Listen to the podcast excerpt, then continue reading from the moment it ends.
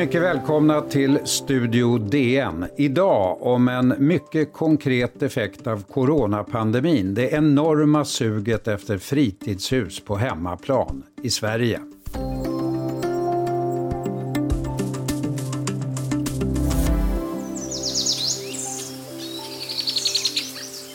Fritidshus i en skog hetare än någonsin. Bostadsrätter upp 2,8 procent, villor upp 4,7 procent och fritidshus upp 7,9 procent. Statistiken för det senaste året från Svensk Mäklarstatistik. Men det är just de tre senaste månaderna som vi ser den riktigt stora prisuppgången. Människor inser att det kan ta tid att få resa utomlands igen och letar efter alternativ i Sverige istället. Tilläggas kan att under samma tid har bostadsrätterna gått åt motsatta hållet och rasat i värde. Välkommen Hans Arban som var med i podden för en tid sedan i ett av de allra mest avlyssnade avsnitten om hur man blir av med möss i sommarstugan. Ett kärt ämne, Hans. Ja, verkligen. Tack. Trots uh, musrisken, intresset är alltså rekordstort just nu, Hans. Ja, det verkar så. Mäklarna, jag har pratat med ett antal mäklare runt om i landet och eh, de säger alla att dels så, är det ett mycket mindre utbud av fritidshus. Att folk verkar vilja vara ovilliga att sälja. De behåller sina stugor nu under corona. Man kan inte resa utomlands och så. Eh, och sen vittnar de om att det är ett väldigt sug bland framförallt storstadsbor kanske som söker sig lite längre bort nu än, än eh, storstadsområdena. Var vill de allra, allra helst? Alltså de, eh, det stora suget är väl runt, alltså lite längre bort, alltså lite längre från storstäderna men ändå inte jättelångt bort. Kanske man, man kanske inte åker till, letar i Lappland eller Västernorrland eller så, men, men Eh, lite mäklarna som finns lite liksom utanför de här traditionella storstadsregionerna säger att de får mycket fler eh, spekulanter som kommer på sina visningar. Det var en som sålde en gård för en liten gård här och hade 60 inbokade par och det var i, jag tror det var utanför Mellerud någonstans. Eh, mycket göteborgare var det då som kom. Hur dyrt blev det då? Eh, jag vet faktiskt inte, men eh, är man van med storstadspriser så, så går det ju att hitta fantastiska hus till eh, låga, relativt låga priser om man söker sig lite längre bort än, än den här närmsta regionen, alltså området kring där man bor, om man bor i storstad. Så jag skulle gissa att den kanske gick på, jag tror inte den gick, jag tror säkert den gick på under en miljon kronor i alla fall. Mm. För att eh, du hade en genomgång eh, med, med ett antal fynd runt om i Sverige. Var, var, skulle du säga att det är enklast att göra kap? Kan man säga det? Eh, ja, eh, det finns ju lite, man ser ju att runt storstäderna så var det väldigt svårt. Jag hittade ett hus i, i Sörmland till exempel. Under, jag, hade, jag kollade under 500 000 kronor. Eh, Småland finns det ganska mycket fantastiskt fina hus. Hälsingland finns det fantastiska hus. Jämtland. Dalarna kan man hitta också jättefina hus. Till rimliga priser alltså? Till rimliga priser. Eh, de som jag tittade på var ju under 500 000 mm. och, och, då kunde man få, det var, de flesta var året runt standard på, på de här husen som jag tog med i sammanställningen. Eh, jag undrar eh, lite grann, hur, är det stor konkurrens, vet du det, från utlandet just nu? Köpare från utlandet? Ja, flera av de här mäklarna har haft eh, samtal från eh, Tyskland och Schweiz, eh, Frankrike, som inte har kunnat komma till Sverige på visningar då och har frågat om, om de tror att huset skulle finnas kvar i sommar. De hade förhoppningar om att kunna komma då, men det, det de har haft så pass mycket svenska spekulanter så att de har inte sett något behov av att, att utöka kundkretsen. Liksom. Utan de har haft det svårt. Annars är ju Småland mm. till exempel, så har det varit många år, att det är ganska många från Tyskland till exempel som köper ställen. De vill ju ofta bor mitt i skogen då. Mm. Och det kan de ju verkligen hitta många ställen där. Hur går visningarna till då Hans nu av ett populärt ställe när det, man ska tänka på social distans? Det brukar vara knökfullt. Ja, dels så har de ju, eh, och det, har, det tror jag de hade börjat med även före corona, att de har man ska anmäla sig till visningarna, eh, att bokade visningar så att de vet hur många som kommer. Eh, och de här mäklarna jag pratade med, de försökte ju dela upp visningarna då så att de bara hade tre sällskap åt gången så att de, de fick olika tider helt enkelt för visning. Då tog de ett sällskap och eh, visade huset medan ett annat sällskap fick gå och titta på tomten och ett tredje, tredje sällskap kanske mm. gick och kollade på uthusen och sen roterade de och så klarade de av eh, ett antal familjer då på, på det här sättet. Men det tar ju betydligt längre tid och sen är det ju må många som erbjuder digitala visningar också. Du har ju själv varit med på, på det Hans. Eh, eh, ja, det var lite improviserat. Det var innan jag började med det här jobbet så, så eh, var det lite ett infall från mig och min fru. Vi hittade ett ställe i Hälsingland och kunde ju inte åka upp naturligtvis eh, eh, och, titta på det där. Eh, och frågade då om vi kunde få lösa det på något annat sätt. Så ja, men jag kan visa er runt det med Facetime, sa hon. Eh, så att när hennes vanliga visning var kvar så, klar så, så gick hon runt med oss då med sin mobil och visade och vi kunde stanna. Ja men du, vänta där var det någonting. Hur, vad var det där för någonting vid vedspisen där? Och där såg det lite konstigt ut. Och... Tyckte du det funkade? Ja, jag tyckte det funkade förvånansvärt bra.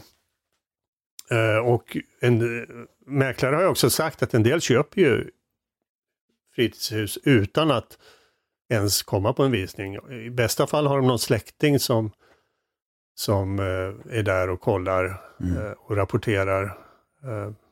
en del har väl trotsat reserestriktionerna och kommit på visningar själva också.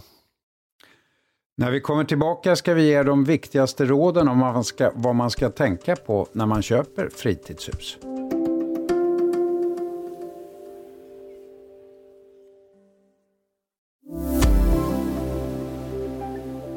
Ja, Hans Hardman, vilket är det allra viktigaste man ska tänka på när man står i begrepp att göra en av livets allra viktigaste investeringar?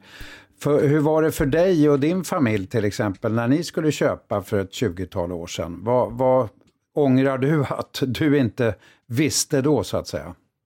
Eh, det, det, var ju också ganska impulsivt och inte så genomtänkt. Så jag, jag, skulle säga att vi hade nog väldigt mycket tur. Det visade sig till exempel att eh, det fanns en egen brunn, vilket innebar att vi hade vatten året om. Vi hade inte tänkt igenom så mycket om vi skulle vara där på vintrar och, och så, utan men det insåg vi snabbt att vi var ju lika tyckte det var lika häftigt att kunna åka ut mitt i vintern som att åka ut eh, på sommaren. Så vi hade inte kollat så noga på om det var vinterbonat. Vi hade inte kollat på om det fanns vatten eh, vintertid.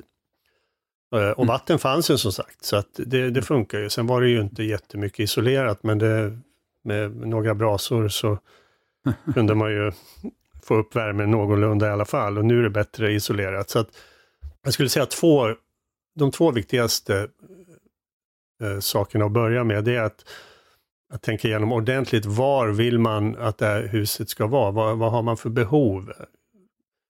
Räcker det att åka ut några veckor på sommaren? Eller vill man kunna utnyttja helger på vårar och höstar? Då kanske inte ska ligga för långt bort. Vill man vara oberoende av bil kanske man ska kolla på hur finns det med, med kollektivtrafik. Eh, så att läget är ju, det, det, måste man ju vara ganska klar över vad man vill ha. Hur, hur, hur långt ifrån bostaden helt enkelt. Det andra är ju att eh, som köpare har man ju precis som när man köper en villa en väldigt stor undersökningsplikt. Alltså det är ju man som köpare som ska hitta alla fel och brister på huset. Och gör man inte det så då kan det vara svårt att få rätt sen om man till exempel vill ja, få tillbaka en del av köpeskillingen eller någonting annat. Man har en väldigt stor stort ansvar som köpare. Mm. Så att ta med sig en kunnig person är ju, när man tittar på huset, sär, sär, kanske i synnerhet om man kommer tillbaka om man verkligen har bestämt sig. Och så här säger Claudia Wörman som du har talat med. Hon är boendeekonom på SBAB. Räkna, räkna, räkna. Okej, den kostar sig så mycket, men vad tror du att vad kostar det ungefär att lägga om ett tak? Vad kostar det att dra in el och vatten? Och så lägger man på det då.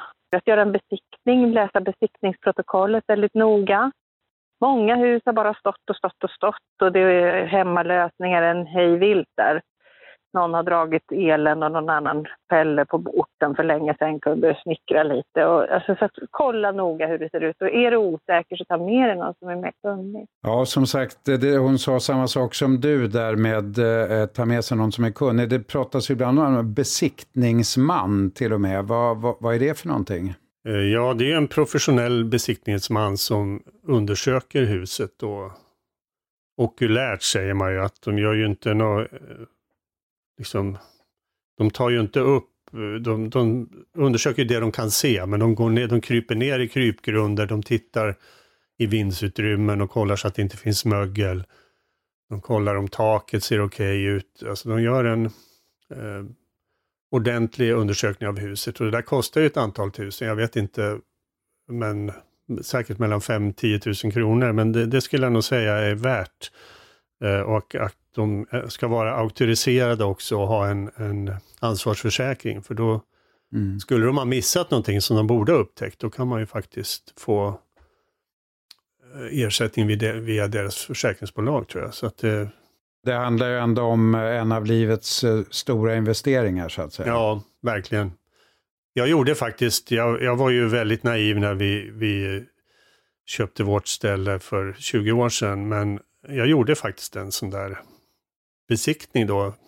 Vet inte hur jag kom på det, men och det gjorde att han tyckte ju taket var dåligt så att vi kunde faktiskt eh, pruta ner priset lite grann då på, på stugan för att vi var tvungna att lägga ett plåttak där. Så, att, så kan det, också, det, det kan man ju också ha en besiktningsman till, att påverka kostnaden för priset på huset det här räkna, räkna, räkna som Claudia sa där, och extra kostnader och allt det där. Är, är det något som du har erfarenhet av själv också?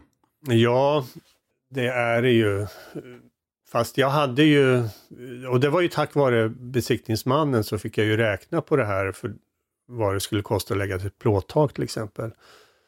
Eh, så att tack vare honom så det var därför också jag kunde kräva då lite lägre mm. pris, mm. eller begära lite lägre pris, och, som täckte en del av den här kostnaden för att lägga nytt tak. Men det är ju väldigt viktigt med att, att räkna och det är ju inte, man ska tänka på att det inte bara är själva priset för huset heller som man ska betala utan det tillkommer avgifter för eh, lagfart som är ett bevis på att man äger fastigheten pantbrev om man ska ta banklån. Och båda de där kostnaderna de ökar, de är procentuellt, ökar procentuellt. Hur mm. mycket man lånar och hur mycket, man, hur mycket huset kostar. Så det kan bli ganska stora kostnader. Till sist Hans, den allra viktigaste frågan givetvis, mössen. Ja. Vad gör man? Eh, om man får möss i stugan. Ja, så här års... det, vad ska man tänka på innan man köper huset? Hur, med, hur med ska det vara så musfritt som möjligt? eh, jag har sett någon som byggde något helt specialbyggt hus eh, för att slippa möss. Jag vet inte om det är möjligt, men eh, jag tror att det är svårt att se det i ett så tidigt skede. Men mm. och jag tror på visningarna så är det väl musskit och annat undanstädat. Så att, men det är ju sådana här, om det finns liksom öppningar i, i, fasaden på olika sprickor och där det kommer upp, om det kommer upp vatten i, och grunden i köket och, och grunden. Om det är mycket växter runt huset, det kan vara ett sånt där, kan hjälpa mössen att ta sig in, klätterväxter och sånt. Tack så mycket eh, Hans Arbman och vi önskar alla lycka till med eh, det eventuella sommarstugeköpet i dessa tider. Studio DN görs av producent Sabina Marmulakai, exekutiv producent Augustin Erba, ljudtekniker Patrik Miesenberger, teknik Jonas Lindskog, Bauer Media. Jag heter Lasse Bengtsson. Vi hörs!